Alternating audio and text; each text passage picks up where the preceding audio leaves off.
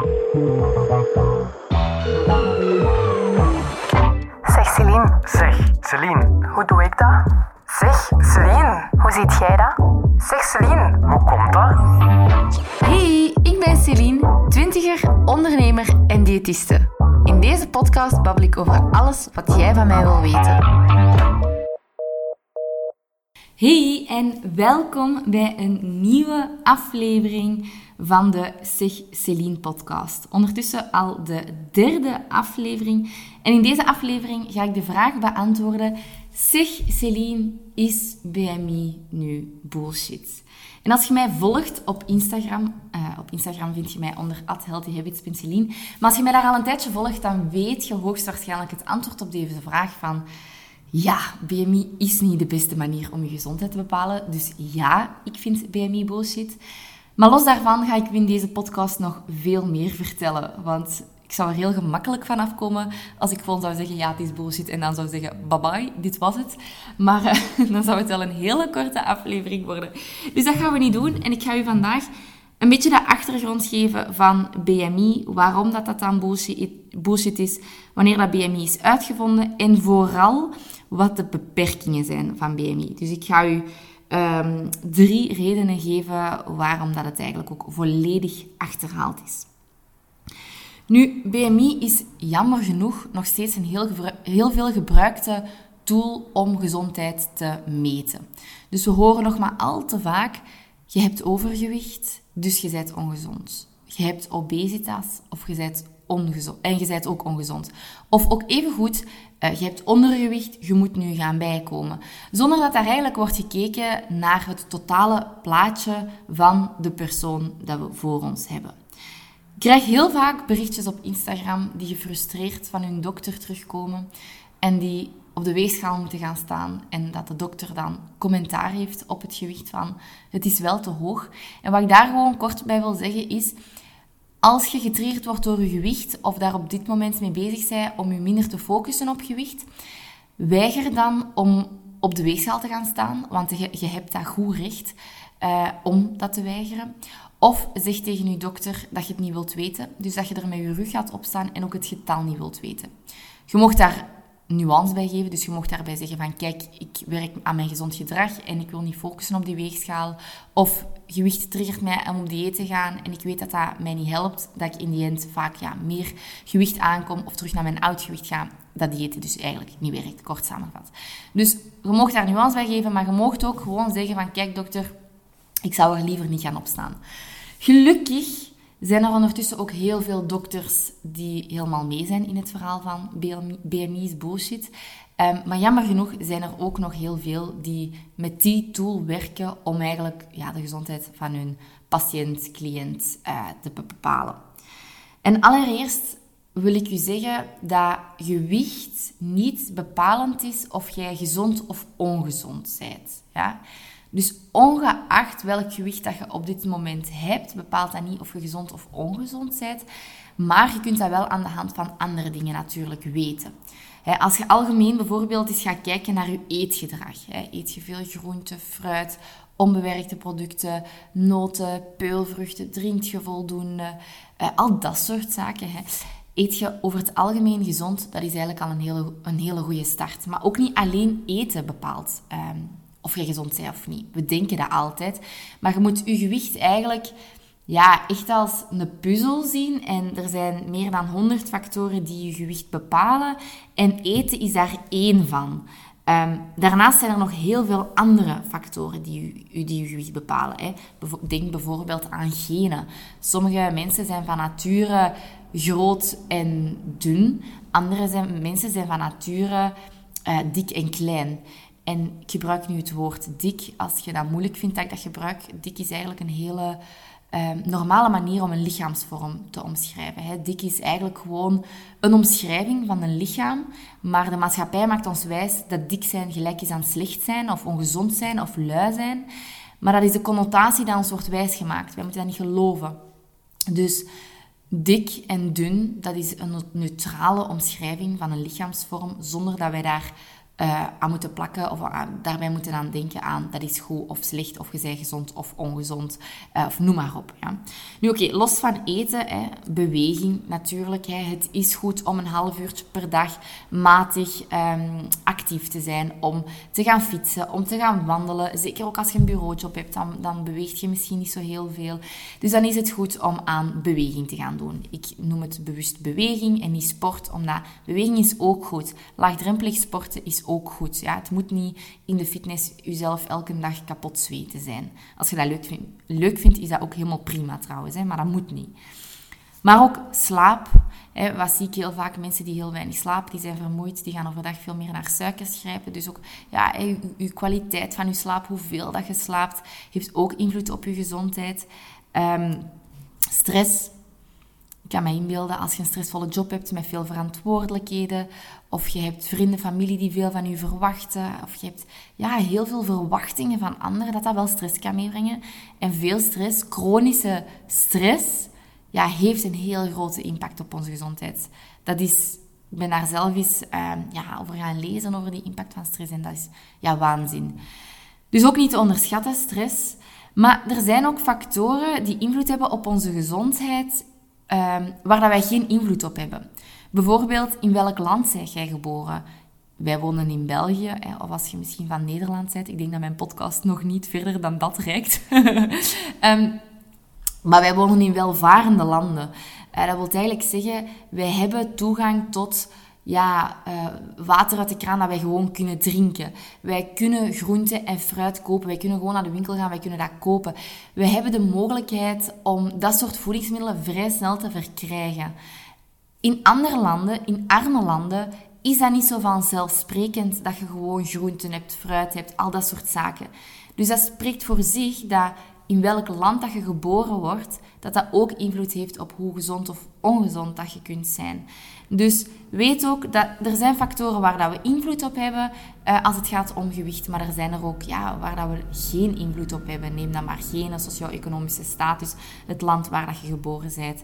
Uh, ziekte bijvoorbeeld ook, hormonen, noem maar op. Ik vergeet er nu een heel aantal, maar daar gaat deze podcast nu niet helemaal over. Ja. Weet dus dat gezondheid niet kan gemeten worden met gewicht. En dat brengt ons naadloos bij BMI. Want wat doet BMI? Die kijkt naar de verhouding gewicht-lengte. En die gaat op basis daarvan kijken, oké, valt dat binnen die categorie? Hè? Um, of vindt dat, um, uh, binnen 18 en 25, dan ben je gezond. Vanaf 25 tot 30 heb je officieel overgewicht. Vanaf 30 valt je in categorie obesitas. Onder de 18 valt je in ondergewicht. Ik heb een vriendin um, die op, op, een BMI onder de uh, eh, 18 zit. En die was pas bij mij en die zei nog... Celine, wat je altijd op Instagram zegt, dat klopt wel. Want ik ben dun. Zij heeft het lijf dat, dat eigenlijk iedereen wilt. Dat volledig binnen het schoonheidsideaal valt. Allee, iedereen is misschien veel gezegd, maar je snapt wat ik zeggen. Ze heeft het lijf dat binnen het schoonheidsideaal valt. Um, dus ze is, ze is echt groot. Ze heeft van nature een slanke bouw. ze heeft echt ze heeft heel mooie borsten. Um, ze heeft ook nog een poep. Dus ze heeft echt letterlijk alles wat een vrouw zou willen. Toch een gemiddelde vrouw. En ze zei, ik zorg helemaal niet voor mijzelf. Ik kook nooit, dus ik, ik eet altijd kant-en-klare maaltijden. Ik eet geen groenten, ik eet geen fruit. Ze zegt, ik sport niet, want ja, ik ben toch dun.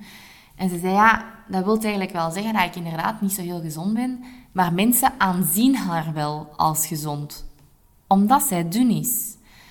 En dat is al direct een voorbeeld van iemand die dan in categorie ondergewicht valt, die eigenlijk helemaal niet gezond is. En zo ken ik ook mensen, ook vriendinnen in mijn omgeving, maar ook kennissen, familie, die officieel in categorie overgewicht vallen, maar die eigenlijk drie keer per week sporten, die voldoende groente, fruit, dat soort zaken eten, die algemeen gezond eten, die niet roken, die eigenlijk algemeen een vrij gezond leven hebben. Maar die dus wel, volgens de normen van BMI, in overgewicht vallen. Beeld u in hoe frustrerend het is als jij dat zijt, binnen hè, dat jij in overgewicht valt, maar eigenlijk gezond zijn. En constant door de maatschappij, door dokters, door paramedici wordt aangezien als ongezond. Dat is dus ergens, ja, weightstigma. Gaan echt gaan beoordelen van, oké, ja, jij bent niet gezond door enkel en alleen naar gewicht te kijken, maar niet naar gedrag te kijken. Wat bepaalt dus of dat we gezond zijn? Ons gedrag. Gewicht kunnen we niet beïnvloeden, want wij hebben een genetisch bepaald gewicht. Fit setpoint noemt dat ook. Daar ga ik een andere keer een, ehm, een podcast over opnemen. Maar ons gewicht kunnen we eigenlijk niet beïnvloeden. Ja? Als we te veel gaan afvallen, gaat ons lichaam altijd, is de biologie van ons lichaam, ervoor zorgen dat je in die toch terug bijkomt. Wat kunnen we wel beïnvloeden? Ons gedrag. Dus gedrag bepaalt hoe gezond of ongezond jij bent. Um, en daarnaast kunnen we natuurlijk ook gaan kijken, laat je bloed trekken, eh, zijn er vitamine, mineralen tekorten, eh, hoge cholesterol, bloeddruk. Um, en dat zijn natuurlijk wel dingen die ook gezondheid bepalen. Daarmee, ik laat zelf persoonlijk altijd één keer per jaar gewoon mijn bloed ook trekken bij de dokter om te zien of dat alles in orde is. Ik raad dat eigenlijk altijd iedereen aan van doe één keer per jaar bloedcontrole en kijk even hoe je bloeddruk is, maar ook je bloed om te kijken. Zijn daar geen tekorten? Hoe is je cholesterol? Hoe is een bloeddruk? Dat soort zaken. Ja. Oké, los daarvan moet je weten dat BMI, en dat is de eerste reden waarom dat BMI bullshit is, BMI is uitgevonden door Quetelet. Dat is een Belg trouwens, die is in Gent geboren als ik het goed voor had. In de 19e eeuw heeft hij BMI eigenlijk uitgevonden. Quetelet dat was een wetenschapper, dus ook geen dokter, uh, niemand in de in de paramedische sector. Uh, dat, was, dat was geen, ja, geen arts of uh, apotheker of ja, noem maar op. Iemand in de paramedische sector. was een wetenschapper. En wat heeft Quetelet gedaan? Die heeft hij eigenlijk gemaakt om te gaan gebruiken bij um, grote diagnostische studies. Bij bepaalde populaties. Dus die heeft eigenlijk gezegd, oké, hier is de BMI. Ik maak er nu even een verhaaltje van. Natuurlijk, ik was toen nog niet geboren, dus ik weet niet hoe het exact is gegaan. Maar die heeft die BMI uitgevonden. En die heeft direct ook gezegd, kijk, dit mag niet op individueel niveau gebruikt worden. Mag eigenlijk ook niet bij vrouwen gebruikt worden, want het was bepaald op basis van mannen. Dus je weet daar al mee genoeg. Dus ja, het is op basis van mannen, is die BMI, zijn die curves en zijn die tabellen gemaakt. Hoezo? Dus niet voor vrouwen. Ik vond, ik vond dat absurd om te lezen. Oké, maar los daarvan. Hè, dus die heeft meteen eigenlijk gewaarschuwd... Dit is niet voor individueel uh, gebruik, niet voor vrouwen, en maar voor een bepaalde doelgroep. Ja? Het is ook, bijvoorbeeld ook alleen maar gemaakt op basis van blanke mannen. Dus als je een andere etniciteit had, of hebt, ook dan is BMI eigenlijk nutteloos. Um, het, is ook, het mag eigenlijk ook niet gebruikt worden als je onder de 20 jaar bent en boven de 25 jaar. Want op basis van die populatie, dus alles tussen 20 en 25, is BMI eigenlijk ja, ontstaan.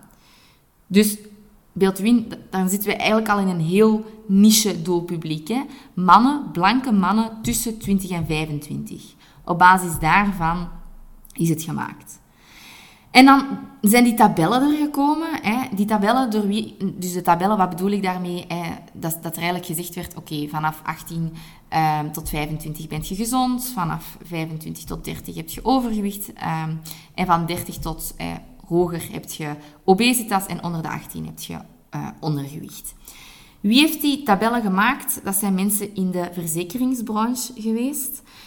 En die hebben eigenlijk de drempels van overgewicht en obesitas lager gelegd dan dat de actuele sterftedata liet zien. Dat wil eigenlijk zeggen dat dat heel slim is. Waarom? Van de ene op de andere dag, en ik heb hier denk ik het jaartal uh, erbij geschreven, want ik heb natuurlijk mijn research gedaan. Ja, op 16 juni 1998 is er dan beslist om de tabellen te verlagen. Dus eerst moet je weten dat die tabellen, dus dat je vanaf 27, um, ehm, dat je tot 27 gezond waart. Dus een normaal gewicht had en als gezond gezien werd.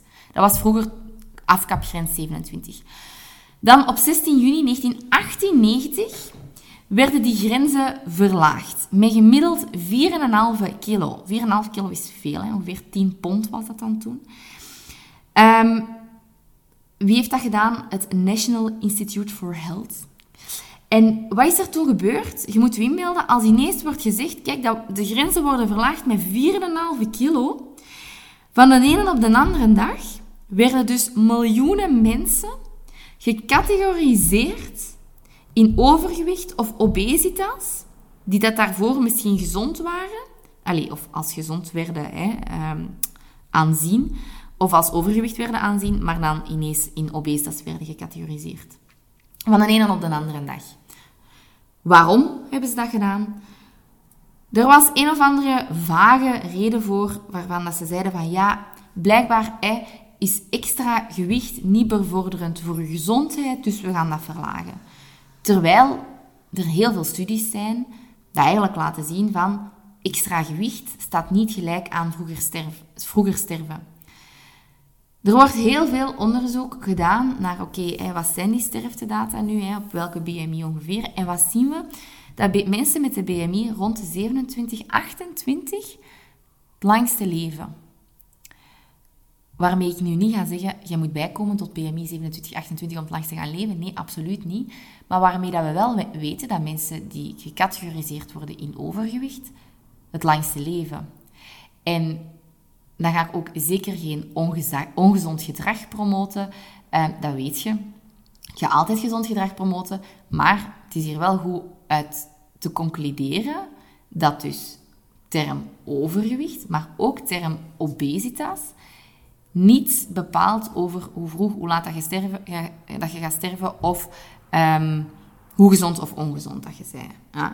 Dus dat was eigenlijk mijn tweede reden van, kijk, Ineens, 16 juni 1998, worden die grenzen met 4,5 kilo verlaagd. Natuurlijk, wat heeft dat nog als voordeel voor de verzekeringsbranche? Er zijn nog, in België werkt dat nog altijd zo, um, bij verschillende banken. In Nederland denk ik van niet. Maar toen dat ik mijn lening afsloot voor mijn huis, uh, ons huis, moest ik mijn BMI doorgeven. En als je een te hoge of een te lage BMI hebt, dus in overgewicht, ondergewicht of obesitas zit, moet jij meer betalen. Ook al is er verder niets aan de hand met je, moet jij meer betalen. Dus je moet weten dat daar ook een heel grote factor geld aan vooraf is gegaan. Want als je aan miljoenen mensen ineens geld kunt gaan vragen voor een lening, ja, beeld u in welke impact dat, dat heeft. Die mensen zijn veel meer geld gaan verdienen. Oké, ik heb er dan ook nog een studie bij gehaald. Ik heb hem hier openstaan voor mij en hij staat hieronder ook in de beschrijving. En dat is eigenlijk een studie geweest waarin ze zijn gaan zien van oké, hoe zit dat nu met die tabellen? Klopt dat nu dat je, als je gecategoriseerd wordt in, in, in gezond gewicht tussen 18 en 25 dus, klopt dat dan dat, ze gezond, dat je gezond bent en als je in overgewicht en obesitas valt, dat je ongezond bent? En wat zijn ze in die studie gaan controleren? Bloeddruk bij mensen met eh, overgewicht, eh, obesitas en een gezond gewicht. Dus bloeddruk, triglyceride, cholesterol, glucose um, en insulineresistentie. Voilà. Dus dat zijn ze gaan onderzoeken. En de resultaten daarvan was dat 50% van de mensen die in overgewicht vallen, dat die gezond waren dat 29% van de mensen die in obesitas vallen, dat die gezond zijn. Dus niks van hoge bloeddruk hadden, um, hoge cholesterol, insulineresistentie, noem maar op. En dat 16% die in obesitas viel, ook gewoon metabool gezond waren. Ja? Dus dat is wel interessant om te weten en te zien dat je niet gewoon op basis van dat ene getal, BMI, kunt weten of dat je dan gezond of ongezond bent. Ja? Oké. Daarnaast houdt BMI ook geen rekening met je bouw. Heel vroeger hadden artsen tabellen van oké, die is eerder klein gesteld, die is eerder middelmatig, die is eerder groot en die gingen op basis, op basis daarvan conclusies trekken. BMI houdt 0,0 rekening met genetische aanleg met bouw. Je hebt van nature ja, kleine mensen, die dun zijn, maar kleine mensen die dik zijn. Je hebt grote mensen die dun zijn, grote mensen die dik zijn. Dat heeft allemaal met, met aanleg te maken, daar kun je niks aan doen. Ehm, maar ook daar houdt BMI geen rekening mee. Dus daarin wordt eigenlijk helemaal geen onderscheid gemaakt. En dan hebben we nog een reden, en die is heel logisch, maar stel dat je een bodybuilder hebt, die gaat in categorie overgewicht of obesitas vallen en gecategoriseerd worden als ongezond, terwijl dat die meestal wel gezond zijn. Um, iemand mijn eetstoornis bijvoorbeeld. Ik heb zelf, um, dat heb ik al een keertje gezegd in mijn eerste podcast, denk ik, maar bulimie um, en binge-eating gehad. En ik had toen in allebei de gevallen wel een gezonde BMI, maar ik was totaal niet gezond. En trouwens, want ik ben hier wel aan het praten over die triglyceriden, cholesterol, noem maar op. Maar ook daar, mentale gezondheid is minstens even belangrijk. En mentaal was ik niet gezond, want ik had een ongezonde relatie met eten. Ik was constant aan het stressen over eten. Ja, mijn eten ging er af en toe ook wel eens uit, uh, om het even voorzichtig uit te spreken. Dus ik was totaal niet gezond, maar ja, ik kreeg nooit commentaar op mijn gewicht, want iedereen zag mij wel als gezond. En we weten dus niet mentaal wat er aan, de hand is. Ik hoor soms mensen die ja, van een dokter het advies krijgen om, um, om ja, uh, te gaan afvallen, terwijl die net aan het genezen zijn bijvoorbeeld van een eetstoornis.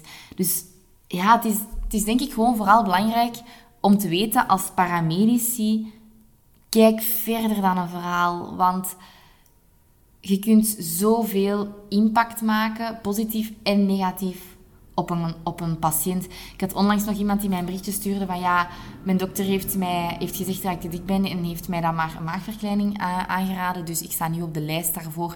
En als hij dat niet had gezegd, had ik dat nooit gedaan. En dat zijn verhalen waarvan mijn hart breekt. Want ook daar de ja, wetenschappelijke onderzoek naar ja, gastric bypass, noem maar op, die zijn allemaal niet zo rooskleurig als dat je soms verhalen hoort. Er zijn mensen die er perfect mee geholpen zijn, ik ga dat zeker niet zeggen.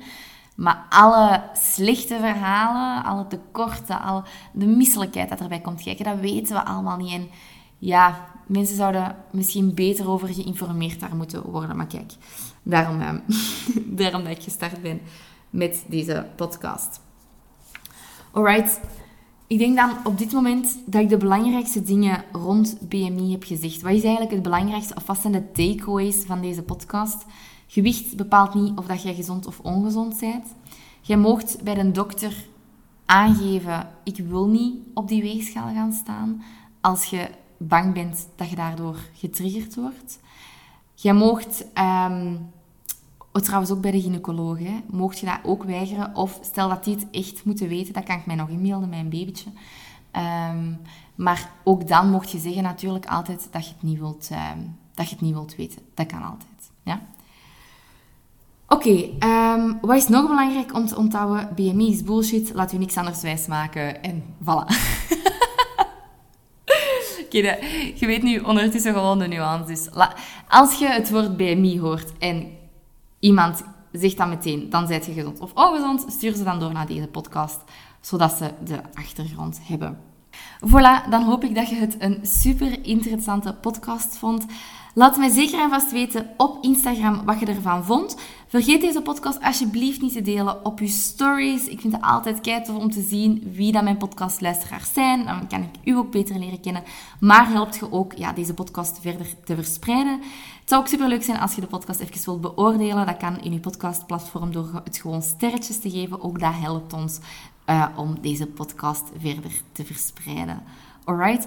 Als je zoiets hebt van, amai, ik wil meer weten over gezond worden, ik wil starten met naar mijn lijf luisteren, dan kun je ook altijd mijn gratis masterclass op mijn website gaan downloaden. Dat is www.healthyhabitsceline.be en daar ga je meteen op mijn gratis masterclass terechtkomen. Zeker kijken, want hij is super interessant. Alright?